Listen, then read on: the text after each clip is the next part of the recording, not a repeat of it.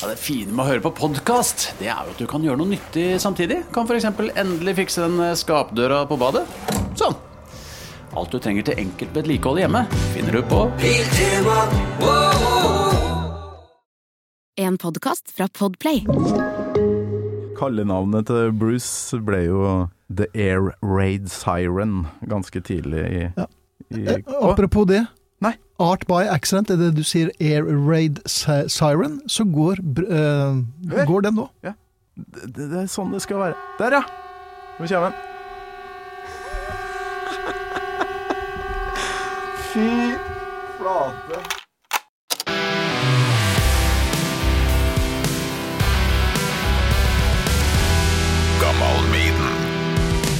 Trude eller ei, jeg starta jo med jazz. Jeg var jo saksofonist Ei. en gang i tida. Saksofonist. Så ja, jazz det står ikke noe høyt i kurs, eller? Nei uh, Nei, de gjør ikke det. Det er som de sier i Spine Tap. They play all the wrong notes. Og det er noe der, altså. Med Torkil Thorsvik. Finn Bjelke, hjertelig velkommen til Gammalmaiden. Tusen hjertelig takk. Hvordan eh, har du det akkurat nå i dag? Eh, jeg hadde sending i går, så jeg er litt Jeg sitter og irriterer meg over ting jeg burde ha sagt, men sånn er det jo hver onsdag, så Nei, det er som vanlig. Er du såpass litt sånn perfeksjonist som tenker over sendinga dagen etterpå, til og med? Nei, jeg tenker ikke så mye på sendingen, men jeg tenker på alt, alle feilene jeg gjør, og gud hjelpe meg, det begynner å bli noen uh, i løpet av disse årene her. Um, ja, nei, jeg vet ikke om jeg er noen perfeksjonist, jeg vil at det skal være best mulig, uh, men jeg er nok litt for anal og litt for fokusert på det som går gærent. Ja. Men jeg husker jo da du um, Ja, det var jo nesten et sjokk for mange av oss når du slutta i NRK. Du ble kalt kontrollfrik. For uh, ja, jeg vet ikke, sikkert fordi du, du var misfornøyd med, med hvordan ting uh, ble drevet opp på Marienlyst der. Ja, jeg er misfornøyd med det aller meste hele tiden. Det er derfor jeg kan drive på med Bjelke og Beranek og, og være gretten. Men ja, jeg er nok kontrollfrik. Jeg vil at, at alle skal gjøre sitt beste hver gang. Mm. Eh, For det fortjener jo de som hører på. Og hvis vi ikke gjør vårt beste, så hvorfor gidder folk å høre på oss da? Så jeg prøver å være fokusert og oppføre meg ordentlig. Men eh, jeg, jeg, om jeg ikke forlanger, så håper jeg jo at eh, de rundt meg også gjør sitt aller beste for at produktet, radiosendingen vi lager, skal være best mulig. Eh, Og det gidder jeg ikke å be om unnskyldning for. Nei, jeg husker jeg hadde akkurat avslutta to år i vikariat i NRK da. Kulturnytt og debattene, mye, mye eh, greier. Og så jobba livet av meg da, for å vise dem at jeg er jo riktig mann på rett plass her. Og så Nei, sorry. Eh, to år er gått. Du skal ut på eh, såkalt lufting, da. Så jeg var rimelig muggen, og så kom det her eh, oppslaget om at du hadde slutta, at du var ærlig om hva som foregikk oppå der. Og det var sånn ah, yes, endelig. Hvis jeg hadde gått ut og sagt noe, så er det ingen som hadde lytta, men du var jo kjent. Ja, ja, øh, forhåpentligvis så har ikke det så mye å si. Jeg skjønner jo selvfølgelig øh, dynamikken og mekanismen i, i media, men jeg var jo Jeg gikk jo runden rundt i NRK og ble intervjuet for hvorfor slutter du og sånn, og 100 av programlederne jeg snakket med, fortalte meg under en låt jeg skulle ønske jeg turte å gjøre det samme.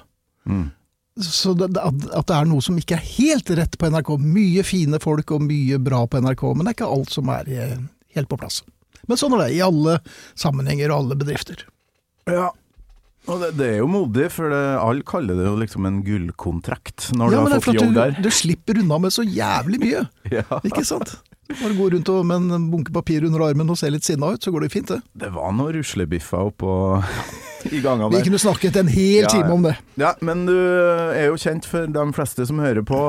Herreavdelingen, det var popquiz, veldig mye reiseradioen, 20 spørsmål, veldig mange programmer. Husker jeg òg gått fra Det tror jeg er et sånn litt sånn felles eh, TV-øyeblikk for eh, min generasjon, da, som digga åpen post og opplegget der, når du satt med den plastikk VHS-plastikken. Husker du det sjøl? Ja, ja da, og det, jeg tror det ble sett en over en million ganger på YouTube og sånn. Så, uh, ja, men det var jo eh, Der handlet jeg jo i berettiget tarme. Det var uh, typecasting. Det var, Finn, kan du snakke om emballasje? Vi hører jo at du er litt gretten inne på kontoret. Et øyeblikk, hold my beer! Og så var det bare rett inn og dra den, og det eskalerte. Jeg husker eh, ja, Bård tok det med, med relativt stoisk ro, mens han kollega var slett litt skvetten, han ble litt redd. Ja, det, satt ved det, siden av meg. jeg så det jo her om dagen. Ja. Tok opp litt lyd òg, så vi må jo vi må høre litt på det. Men den er innpakket i plast! Som en eller annen kødd har sveisa sammen! Så Skal du prøve å åpne det her? Og der det stod Anne P! Og der står filleren! Snyter meg! Hilde Hummelvold også! Men får jeg det opp? Nei da! Det gjør jeg ikke! Der pælma bo- bortover Ja. gulvet. Da skvatt inspisienten, husker jeg, eller han som er floor-manageren. Eh, Det var ikke så mye som var eh, øvd inn på forhånd. Eh, Jeg er dårlig på, på, på å øve på ting, så jeg, eh, det var bare å kline til. Så det er ikke bare meg da med plastemballasje, for der er negla altså kjerringa mi, og hun gjør det på smekk. Og det irriterer meg noe jævlig. Men det, det damer gjør, de tar det med ro og får det opp med en gang, mens vi bare blir rasende. Jeg blir altså så eitrende forbanna at det ryker jo av knotten. Ut. Men eh, ja, du har et temperament her. Jeg, Ja. jeg fant ei liste på Wikipedia. Den er sikkert ikke helt komplett, men vi har jo herreavdelingen, ikke sant. Det er, er mye eh, gubbebøker du har skrevet, for du skriver jo bøker òg, vet du. Og pappa for første gang. eh, småbarnspappa for første gang. Gutta på kur. Gretne gamle gubber. uh, tenåringspappa for første gang, ja. Og gammal for første gang Ja. her. Det er mye sånn manneting. Er du en sånn Er du liksom Sist- riksmannen? Nei, det er jeg langt ifra. Jeg er så lite macho som mannemann som jeg kan få blitt. Eh, Det er naturlig for meg å skrive om det å være mann, gitt at jeg ikke har så mye erfaring med alternativene. Ja. Eh, Så, og det lærte jeg tidlig. Skal du skrive om noe, så skriv om noe du kan. Mm. Da blir det nærere og, og, og ærligere og, og bedre. Um, så nei jeg, nei, jeg ser ikke på meg selv som noen mann. Vi, I den forstand også mannemann. Mm. Nei, mannemann, ja. Det Nei, er det, det er et det dummeste jeg vet, så macho-greier her. Altså, jeg får jo helt eh, Og gitt at vi skal snakke om Maiden, så er jo det altså, Det er jo noen mennemenn. Det er mye mennemenn. Vi skal snakke om Maiden og musikk. Mm. Eh, Vi har jo hørt eh, ja, et lite klipp fra en ja, ganske fersk popquiz her òg, bare.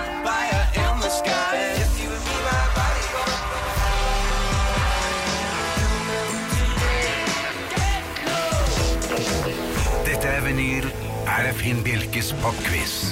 God morgen, og ikke minst godt nyttår. Eller et bedre nyttår. Og hjertelig velkommen til dagens quiz. Jeg blir Det jeg merker meg når jeg hører på popquiz, er at uh, du helt ut av det blå veit jækla mye greier. Så det, jeg må nesten starte dette musikkintervjuet med å, å spørre når, når starta det for deg, den her musikkinteressen din? Det begynte jo selvfølgelig med Beatles, gitt at jeg er født i 59, og Beatles slo gjennom i 62.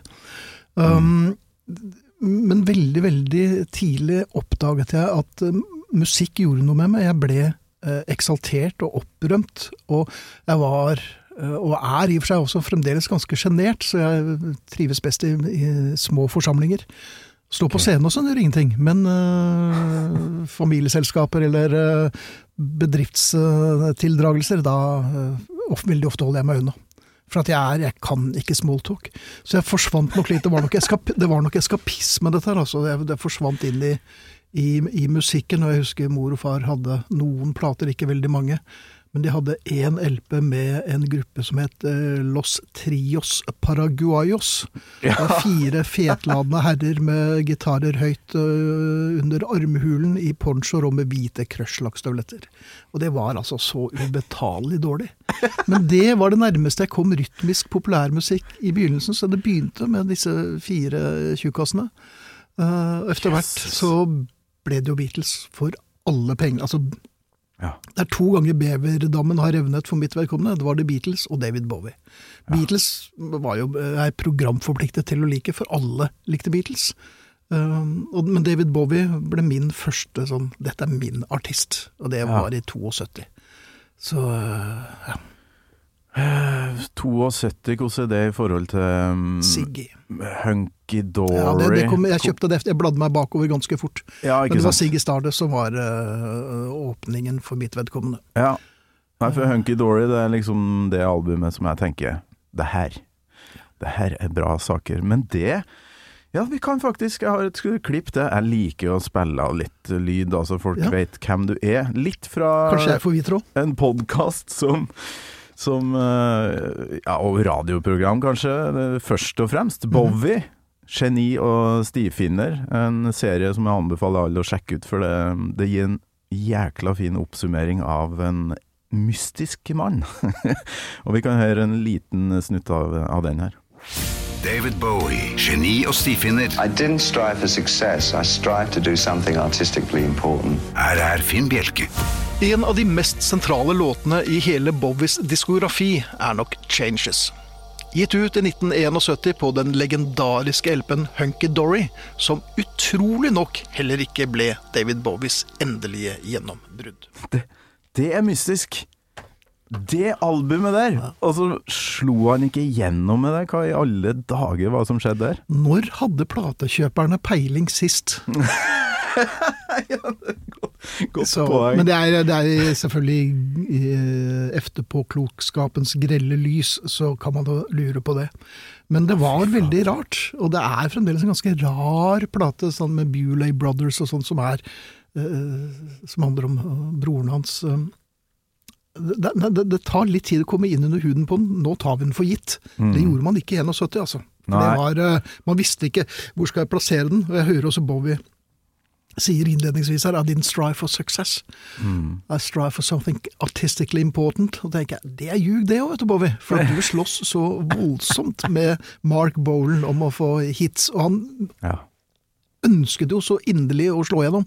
Og så gjorde han det med Space Oddity, og så tok det litt tid igjen. Fikk du sett den Moonage Age Daydream-filmen? Ja, jeg var eh, på premieren og jeg, jeg skrev en, et kjærlighetsbrev til Bowie, som jeg fremførte på Det Norske Teatret før Lasarus-forestillingene. Um, eh, og, og det leste jeg på den premieren, og jeg husker uh, Og da hadde jeg ikke lest brevet på en stund, eller altså saken på en stund, så jeg, de to siste setningene så bare brakk jeg. Uh, så begynte jeg å grine. Eh, Så det var ganske voldsomt foran et relativt fullsatt kolosseum. Eh, Men eh, kino. Eh, Men så så jeg filmen, og, den er jo mektig. Men det er jo nesten som en installasjon. Det Ja. er Det var et kunstverk i seg sjøl. Ja, for det er jo ikke det du forventer. Heldigvis, for sånn var det jo alltid med Bowie. Du visste jo aldri hva du fikk. Det var jo en ny hjelp å tenke hvem er dette? Ja, det er Bowie. Ja, st- Så Skulle gjerne ha laga en gammel Bowie-episode nå òg, men vi, Ja. vi må litt videre. Hvordan fikk du tilgang på musikk? For det var et problem, har jeg skjønt, på var- tidlig 70-tall. Ja, eller 60-tallet, som jeg begynte på. Nei, jeg var låneren. Mm. jeg, jeg begynte jo tidlig å jobbe, jeg var over ti år da jeg begynte å jobbe i en kolonialforretning. Og da gikk jo alle pengene mine til singler. Okay. eh, som kostet rundt ja, mellom fem og syv kroner på den tiden. Eh, og så lånte jeg plater. Det var jo sånn vi lånte av hverandre, for vi hadde jo ikke penger. Mm. så, så, jeg var singelmannen, og så plutselig ble jeg LP-mannen da Siggy Stardust kom. Ah, ok. Eh, det var nok da jeg virkelig Første... Jeg hadde kjøpt LP før det òg, men det var, det var da. Jeg husker jeg kjøpte Yellow Submarine var den første singelen jeg kjøpte. Åtte år med svett femmer i lanken. Åtte år gammel! Har du det der klenodiene fremdeles liggende? Ja, en del av dem har jeg. Jeg har, eh, jeg har aldri vært noen samler som sådan. Jeg, må, jeg er ikke komplettisten. Både jeg, jeg er i nærheten av komplett, men det er bare fordi jeg er så interessert i hele diskografien. Mm. Men jeg må ikke ha alle utgivelser og den portugisiske kassetten og, og den slags. Um, ja, jeg har en del av singelsamlingen min fremdeles, og jeg har alltid hatt respekt for musikk, akkurat som med bøker, så jeg har behandlet dem pent, selv som 10, 11, 12 og ikke minst 17-åring. Så, så det er en relativt min condition, og jeg kunne jo tjent en del penger på det. Ja. Og da er, Jeg har jo et fast eh, spørsmål her som jeg prøver å komme inn på litt tidlig, og der kan jeg ta noe, så tar vi liksom resten av din um, oppvekst og inspirasjon eh, rundt det. Husker du Finn Bjelke første gangen du hørte Iron Maiden? Ja, det gjorde jeg fordi jeg var eh, ganske tidlig ute med Maiden. Ikke fordi at jeg er spesielt interessert i heavy metal. Eh, Det er med science fiction som er heavy metal, det er en periode. I hvert fall for mitt vedkommende. Jeg leste masse science fiction, hørte masse på Sabbath og, og Purple og Heap. Heap er ikke så tungt, men eh, Og så var jeg litt ferdig med det. Så når New Wave of British Heavy Metal kom, så var jeg egentlig ferdig. Men jeg kjøpte jo Kerrang fra det kom. eh, og, og leste det. Jeg husker jeg hadde platesjapp i Bergen eh, og, og, og leste Kerrang. Og, eh, og så leste jeg om Arn Maiden, og så så det jævlig tøft ut. Ja. Eh, og i en periode av livet så er hvis det ser tøft ut, så er det antageligvis tøft. Og det, det, og, og det er det jo, uh, utvilsomt. Men uh, galopprocken fenget meg aldri helt. Jeg tror jeg var litt for gammel. Mm. Og det er helt, helt hinsides å si, for jeg var jo ikke gammel. Men Hvor, jeg var hvor gammel var du?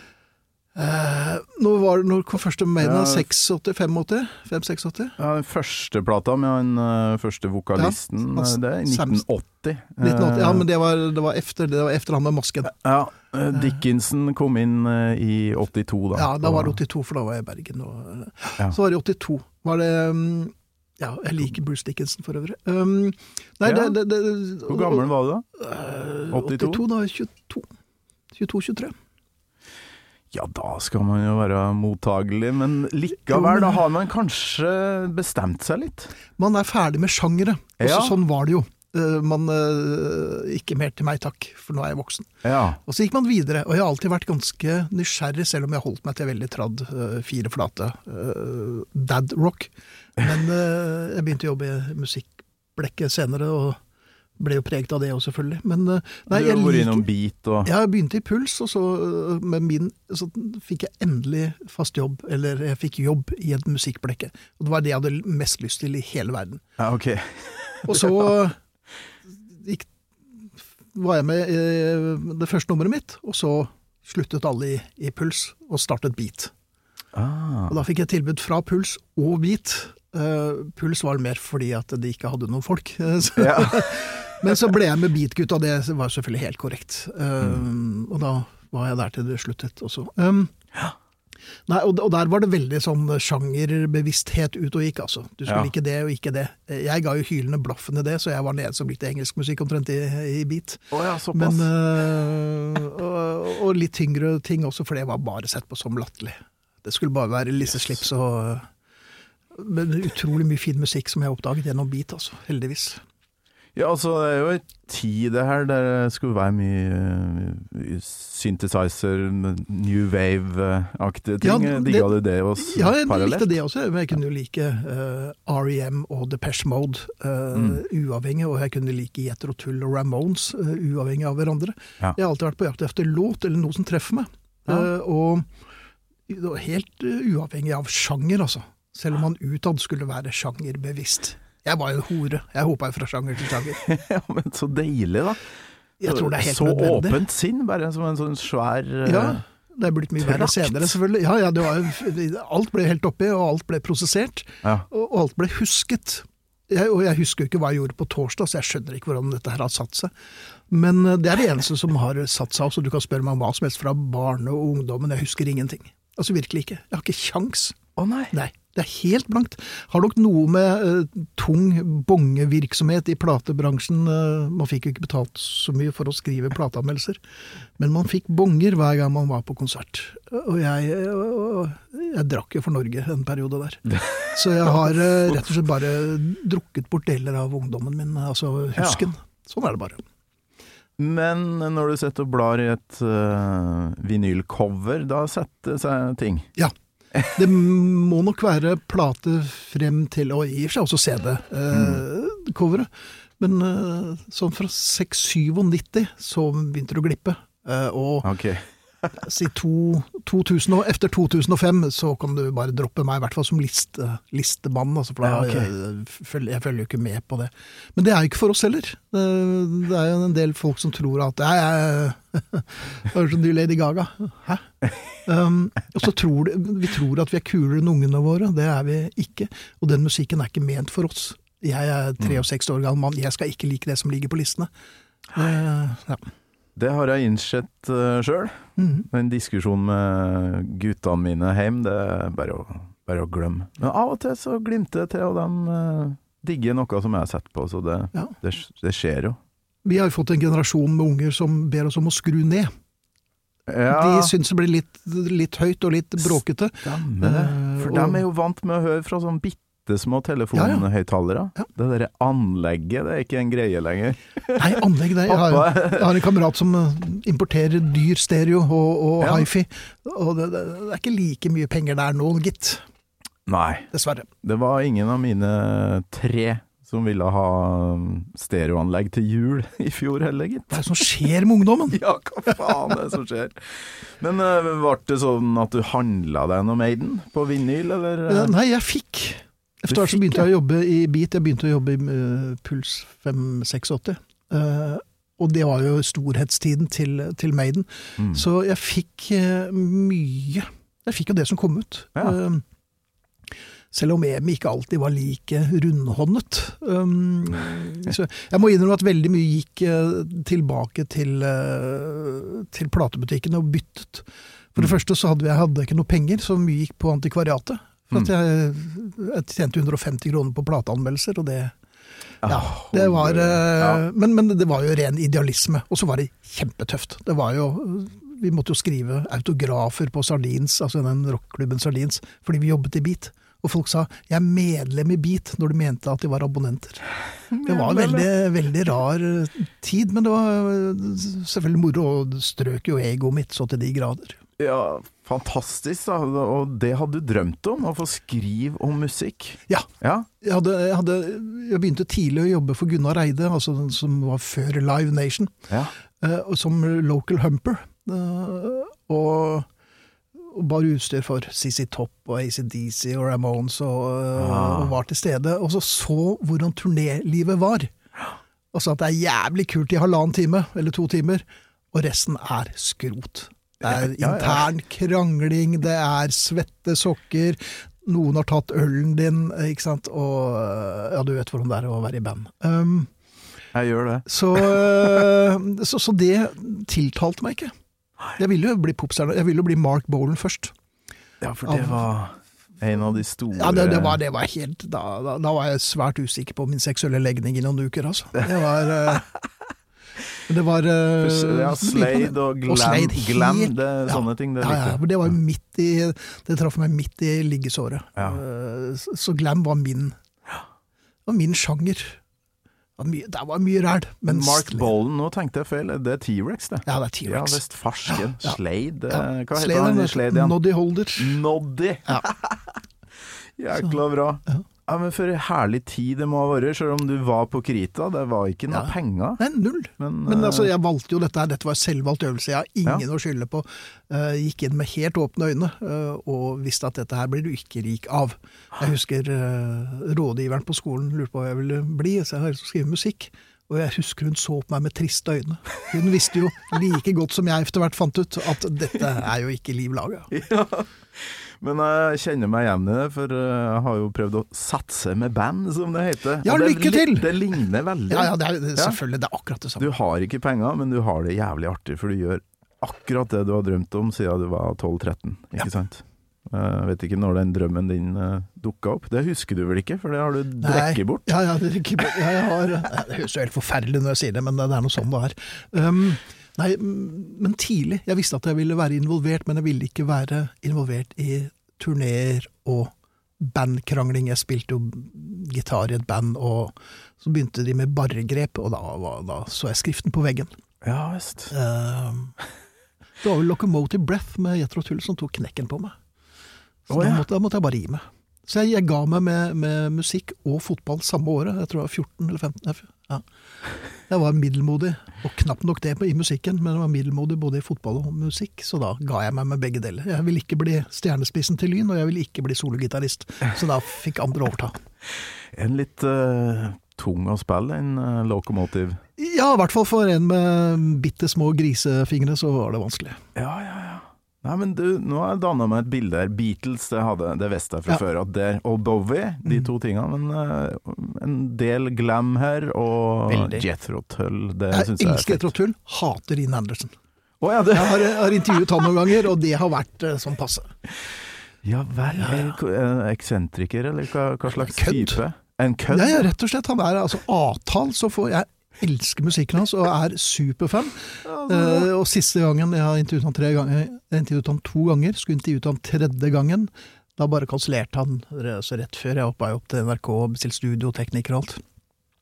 Da sendte jeg av gårde en mail til uh, plateselskapet, ikke selskapet, men til managementet. Og sa jeg vet dere får ikke ett pulsslag mer i minuttet av dette her, men han skal jeg aldri intervjue mer, og jeg kommer nok til å ikke spille platene så mye på radioen. Jeg hørte selvfølgelig aldri, og han var helt Men han ga meg også skylden for uh, lakseeksporten til Skottland. Han hadde jo laksefarm.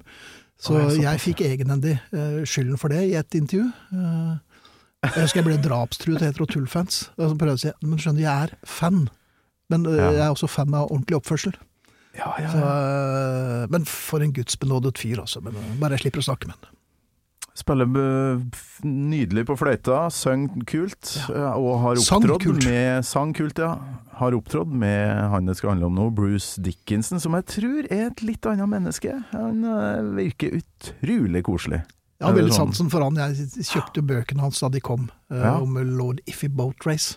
Ja, Det der, ja. Ja, eh, det er ganske morsomt. Eh, Barnebøker, eller? Nei, det, nei, nei, nei det, det, er, det er burlesk humor. Det er litt sånn blanding av Monty Python og, og, og Jeeves-bøkene. Han, han tøyser fælt med eh, overklassen, som det er selvfølgelig er superenkelt å tøyse med. Ja, ja, ja. Eh, Jeg så nå på eBay at eh, disse bøkene, selv i fair condition, ble solgt for 180 pund. Og jeg har jo bøkene i mint condition, så jeg, der er pensjonen min. Ja, det er bare å spare på dem i noen år til. Ja. Men et annet fast innslag her, eh, og det her er det siste faste innslaget. Resten nå blir bare improvisasjon. Som dette. Hvilken låt har du valgt? Du fikk jo et spørsmål på Messenger her. Ja.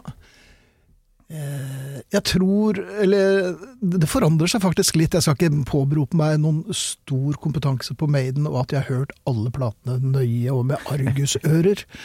Men eh, det var vel Run to the Hills jeg sendte ja. deg melding om. Den har jeg alltid likt. Jeg vet ikke hvorfor. Om det er Driven, eller om det er Dickensen Jeg vet ikke. Ja, men forklar musikk er jeg som å sykle om arkitektur, som sa. Um, ja, jeg, liker den. Du, vi skal høre introen litt. Du har jo ikke på deg headset, men du hører det litt fra, fra pulten her nå.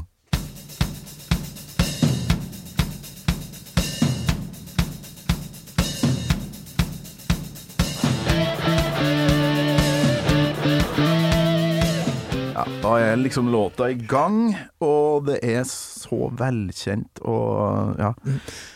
Jeg tror også det er altså, gitaren her, altså de, de doble gitaren eh, Ja. Jeg var jo super Lizzie-fan. eh, Ja, ja, ja. Og så jo dem også på Chateau Neuf i hine hårde dager. og var vel en av de siste som intervjuet Phil Linnet før han døde. Eh, Men doble gitarer med Wishbone Ash, Tin Lizzie og eh, Maiden ja, er en egen gjeng. Noen øh, takler det ikke, faktisk. Det finnes folk som synes det blir for svulstig og litt for øh, Ja. Det, mens jeg er jo da øh, i samme kategori som deg, Ja. som bare Ja, Thin Lizzie, ja, ja Maiden, på, ja, ja. gun på. Ja. Run to the Hills, jeg tror det er kanskje um, flest gammel Maiden-episoder med den i, Sier du det? i, i tittelen. For det Altså, det er bare å gå inn på Spotify og se hvor mange streams den har. og Hvor mye den blir spilt på radio. Det er jo den uh, der kan du se. Topp tre låter, tror jeg, sånn, uh, sammen med The Trooper og Mm. The Number of the Beast, tenker jeg. Som er mest uh, populær da, og mest kjent. Ja. Du tenker på det som en litt sånn deep cut? Ja, det- men det viser jo eh, min forståelse av eh, diskografien til Maiden, for jeg tenker at det er så mange som uh, Men jeg hører jo ikke så mange som spiller Maiden. Nei, nei, nei. Um, så eh, ja. det er nok Ja, den låta vi spiller oftest Ja. av det her bandet på Radio Rock, tenker jeg. Sammen med The Trooper. Og det er jo en grunn til. Ja, ja. ja, ikke sant, det er jo det. Ja. Så vi kan, vi kan høre uh, litt hvorfor, for det er jo det er jo et eller annet med at det er første albumet til Bruce her, og han gir eh, 140 White man came across the sea. He brought us pain and misery. He killed our tribes. He killed our creed. He took our game for his own need. Så Han han liker du. Ja, han liker jeg. Jeg liker Bruce Dickinson veldig godt, eh, selv om det innimellom blir litt for mye eh, sirkus.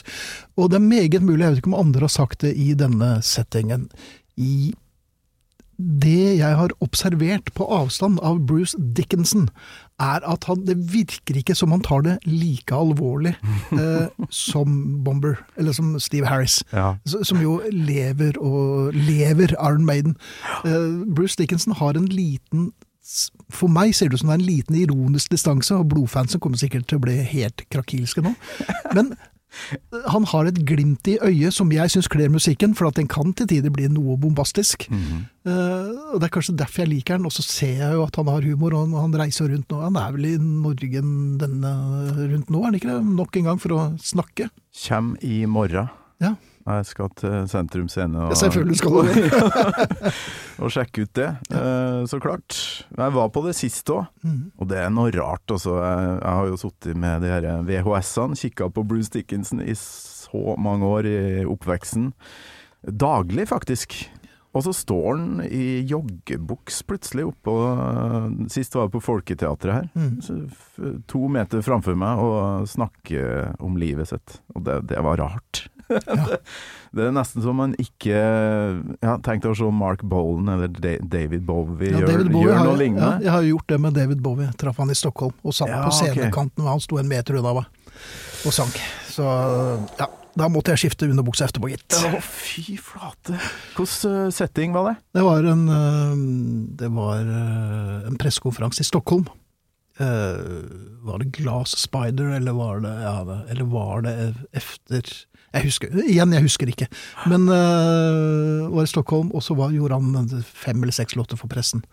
Yes. Og det var kjempetrangt, så jeg bare satte meg på scenekanten, og plutselig så kom han på. Og da Altså, vi sitter halvannen meter fra hverandre nå, og der sto Bowie og sang. Da holdt det jo på å ja, tilte for meg. Mm. Men uh, når du skal snakke, for du har sikkert prata med nå, klarer du å holde roa da? Nei, det var, jeg, jeg fikk ikke pratet med han. Uh, okay. det, var, det var tung security. Mm. Jeg bodde to rom bortenfor han på hotellet. Eh, og det var så vidt jeg fikk lov til å komme inn i heisen av disse kjøleskapene som sto der. Eh, så jeg fikk aldri snakket med han, eh, dessverre. Men samtidig så er det et skjær av mystikk rundt ham for meg fremdeles, så, og det er fint, det. Vi, vi holder på det.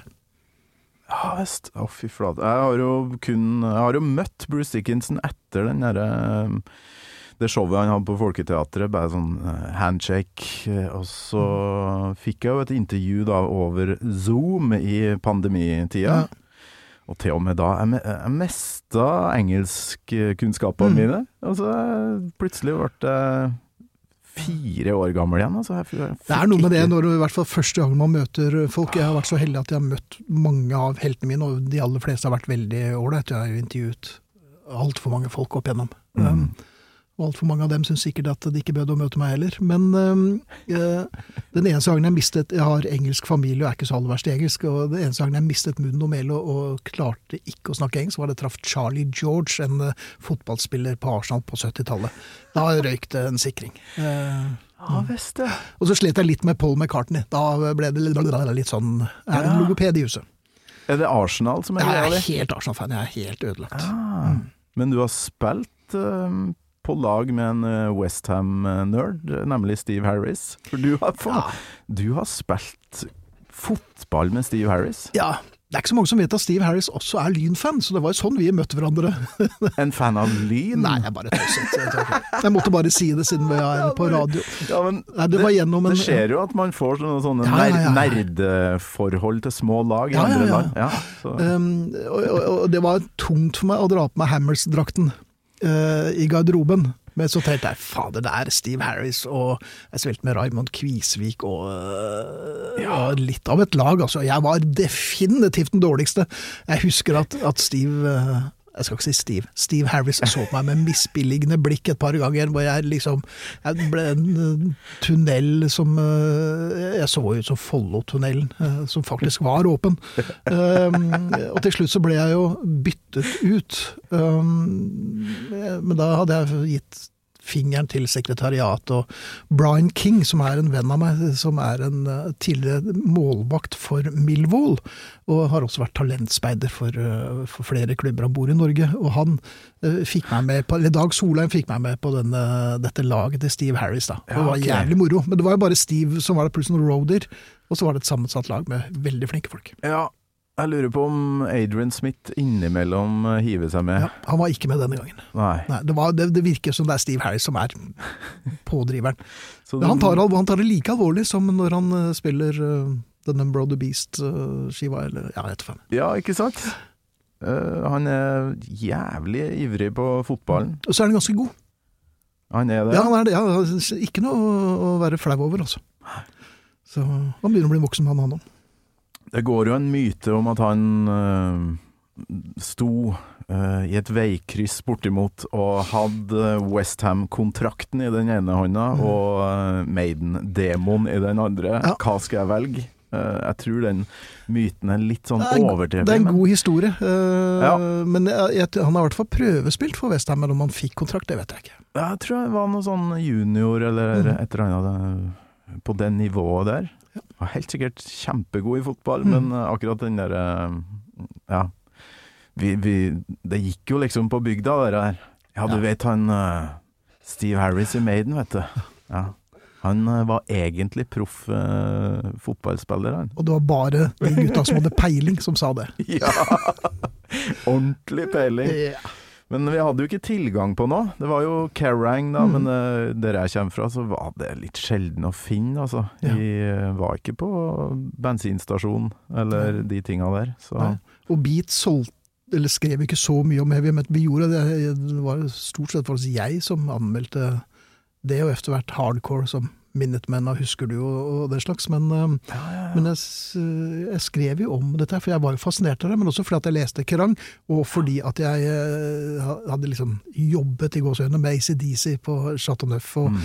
og, og Sissy Topp og, og alle disse gutta her. Um, så jeg var fascinert av det barnlige i heavy metal. For det er mye tøffe seg og kjekke seg og vise seg frem og mm. tøffe seg for damer. Oh yes, Ja. det, starter vel der for Ja. ganske mange, men eh, du har Sa, helt rett. sa vokalisten og flakket med blikket. Ja. du, jeg skal ikke stikke under en stol. Først saksofonist. Altså hvilket instrument er som drar mer eh, damer enn eh, saksofon? Nei, det må være xylofon, da. Susafon. Å, susafon. Men eh, ja, altså vokalist, det var jo så klart å tøffe seg for damene. Ja. Men uh, du har helt rett uh, angående Bruce Dickinson. Mm, jeg husker da jeg ble fan sjøl, i 1990-ish, så eh, var det jo en video jeg fikk da på VHS i posten med Holy Smoke, der Bruce Dickinson står ute i en åker med noen gule blomster, hva faen er, med rosa T-skjorte, og synger. Eh, mens uh, sånn Metallica, Slayer og sånne ting, de han så så jævlig sinna og alvorlig ut, da. Litt- synes Litt selvhøytidelig, så jeg liker Bruce Ja. Dickinson. Altså. Ja, jeg likte det glimtet i øyet. Men hvordan gikk kampen? Husker Eh, du? Det vet jeg ikke, jeg gikk rett i garderoben og raste. Nei da, jeg, jeg tror, eh, jeg tror eh, laget mitt vant. Det skulle bare mangle, det var jo Ja. fremragende fotballspillere. Så moro, så hadde vi det veldig hyggelig i garderoben etterpå. Ja. Lang prat og fikk tatt flere bilder og, og sånn, så Du sendte meg et bilde, ja. Ja. Og jeg blir jo sjalu hver gang Ja. jeg ser jeg kan eh, sende et bilde av Steve og meg i garderoben nå, altså, hvis du Ja, sånn uten, uh, uten klær, kanskje. Nei, det, så langt gikk det ikke. Så gode venner ble vi ikke. Så du fikk prata litt med Ja, ja, ja. ja. Veldig, og jeg har jo veldig respekt for Steve Harris, for at jeg liker stayerevnen hans. Ja, Jeg har også denne som hvis jeg finner noe jeg liker, så blir jeg der. Mm. Uh, selv om folk vil dra meg rivende, skrikende og, og sparkende ut. Uh, nei, han er tro mot sjangeren sin, uh, og det funker, og eh, det liker jeg. Altså Det som skjedde på 90-tallet med de fleste metallband, da, er jo Ja, det var trist, så klart, men eh, han sto i det, rett og slett. Han gjorde det. Ja, han øh, Og det som er spesielt da når jeg skal på Sentrum Scene og se Bruce Dickinson stå der alene og fylle Sentrum Scene Maiden fylte ikke Sentrum Scene mot slutten av 90-tallet med han andre, da, han Blaze Bailey, som tok over en periode. Han kom, kom han fra Wolfsbane? Nei, hvor kom Ja, han fra? stemmer. Ja, stemmer. Ja, Hvordan Husker du det? Nei, som sagt, jeg, det husker jeg, men jeg husker ikke hva jeg gjorde på torsdag. Men jeg husker også, apropos den konserten på Sentrum Scene Jeg tror det var da jeg traff min andre Maiden, eh, nemlig Nico McBrain. Fordi okay. at jeg eh, eh, eh, hadde vært på en all-nighter på eh, hotellet er som ligger rett over gaten her. Um, eh, med et band som het Golden Smog, som var et sånn uh, americana-band. Og der var det jo tilløp til ting fra felleskatalogen, og vi lærte dem å drikke akevitt før på kvelden. Um, og så, eh, ikke spør meg hvorfor, men jeg ble nå over. Eh, og så var det, gikk jeg forbi frokostsalen og tenkte fader, jeg later som jeg bor her, og gikk inn og spiste frokost. Uh, og så tenkte jeg, men er ikke det? Altså, jo, så var det det. Og så sa jeg, do you mind? Nei, han var bare kjempehyggelig. Så jeg spiste frokost med Nico McRain. Jeg var fyllesyk som en Eller jeg hadde ikke blitt det ennå. Uh, og han hadde sikkert tatt seg en tår for tørsten, for han fikk jo slått i seg litt på den tiden, han også. Ja, han Så det har han jo sluttet med, for øvrig. Har visst det. Ja. Ja. Hvordan øh, vet du det? Altså, du følger med på Ja, jeg følger jo med. Ja. Eh, men jeg følger med på de dumme tingene. Um, Ja, det her er nok ikke kunnskap for hvermannsen. Nei, det er for kanskje ikke han øh, ble litt sånn nyfrelst, tror jeg. Det jeg Ja. har lest, at det var Gud kom og greip inn, rett og slett. Ja, Men det er klart at du blir sliten av uh, ja. og, og dytte ting i nesen og, og, og ned i halsen. Så han Ja. eh, Jeg tror det er bra for han. Men han, hvert fall, han viser seg å være en veldig hyggelig fyr. Ja, Eh, Hva gikk praten i da? Ja, det, det gikk helt uh, uproblematisk. Det, vi snakket om Nei, vi snakket om musikk. Uh, han må jo ha spilt dagen Det må ha vært dagen efter konserten deres, selvfølgelig. Mm. Så han var sånn, det var, det var sånn passe. Jeg vet ikke, var du på konserten? Ja, når var det? Det, det var i sentrum Nei Nei, nei, nei. nei, nei. Da var, var jeg vel i militæret, Akkurat. akkurat da. Så det Jeg tror ikke jeg hadde gått dit likevel. Mest fordi jeg kom fra Jeg kommer jo fra GOK. Ja. Og det å ha penger og få lov til å stikke på Ja, ikke minst konsert i få Oslo lov. Ja, få lov! Det var den største bøygen. Så det uh. Du, vi må høre litt mer uh, Maiden. Skal vi Mhm. se Det er jo ja, vi har, ikke, vi har ikke hørt refrenget. Det er jo ganske greit å, å ha fått med seg i løpet av episoden. Run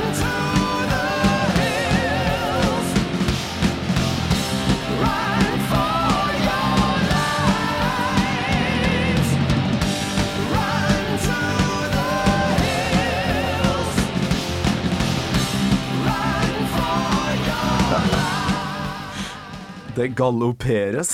Det er, gal det er galopprock, jeg har kalt det det i mange, mange år, og det, det, det er jo det det er. eh, enten det eller slåttrock. Eh, Ja. Slottsheavy syns jeg blir litt sånn Nei, Nei, det er, nei, det er ikke nei. Dio, det er ikke så mye drager og sånn ja. Dio er litt mer slotts. ja, ja. Ja. Så Gud velsigne ham. You're listening to a podcast. I'm Bruce Dickinson. You're not, and you're listening to Gamal Maiden. Håper du har kosa deg, Finn. Eh, Absolutt. Bruke og spille av slutten på låta eh, når det nærmer seg slutten av episoden. Og det skal jeg gjøre nå. Og jeg kommer med et skrik som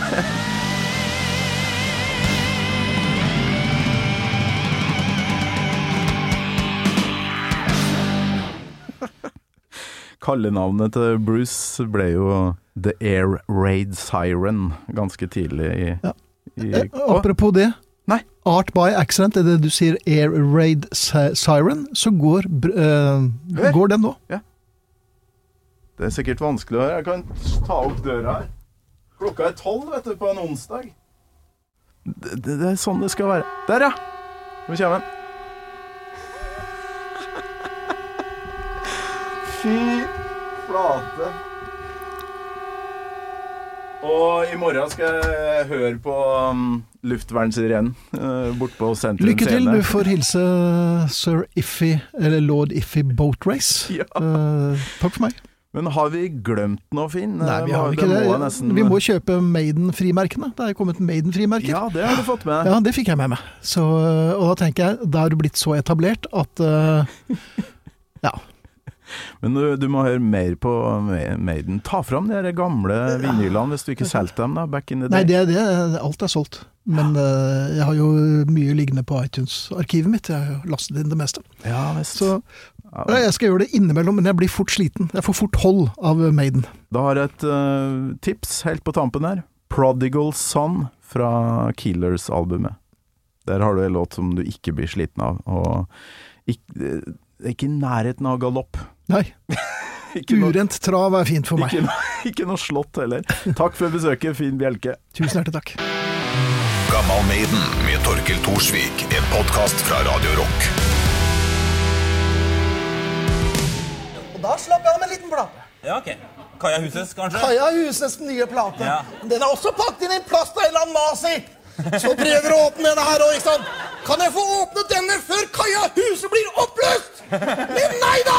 Det går heller ikke! Du har hørt en podkast fra Podplay. En enklere måte å høre podkast på. Last ned appen Podplay, eller se podplay.no.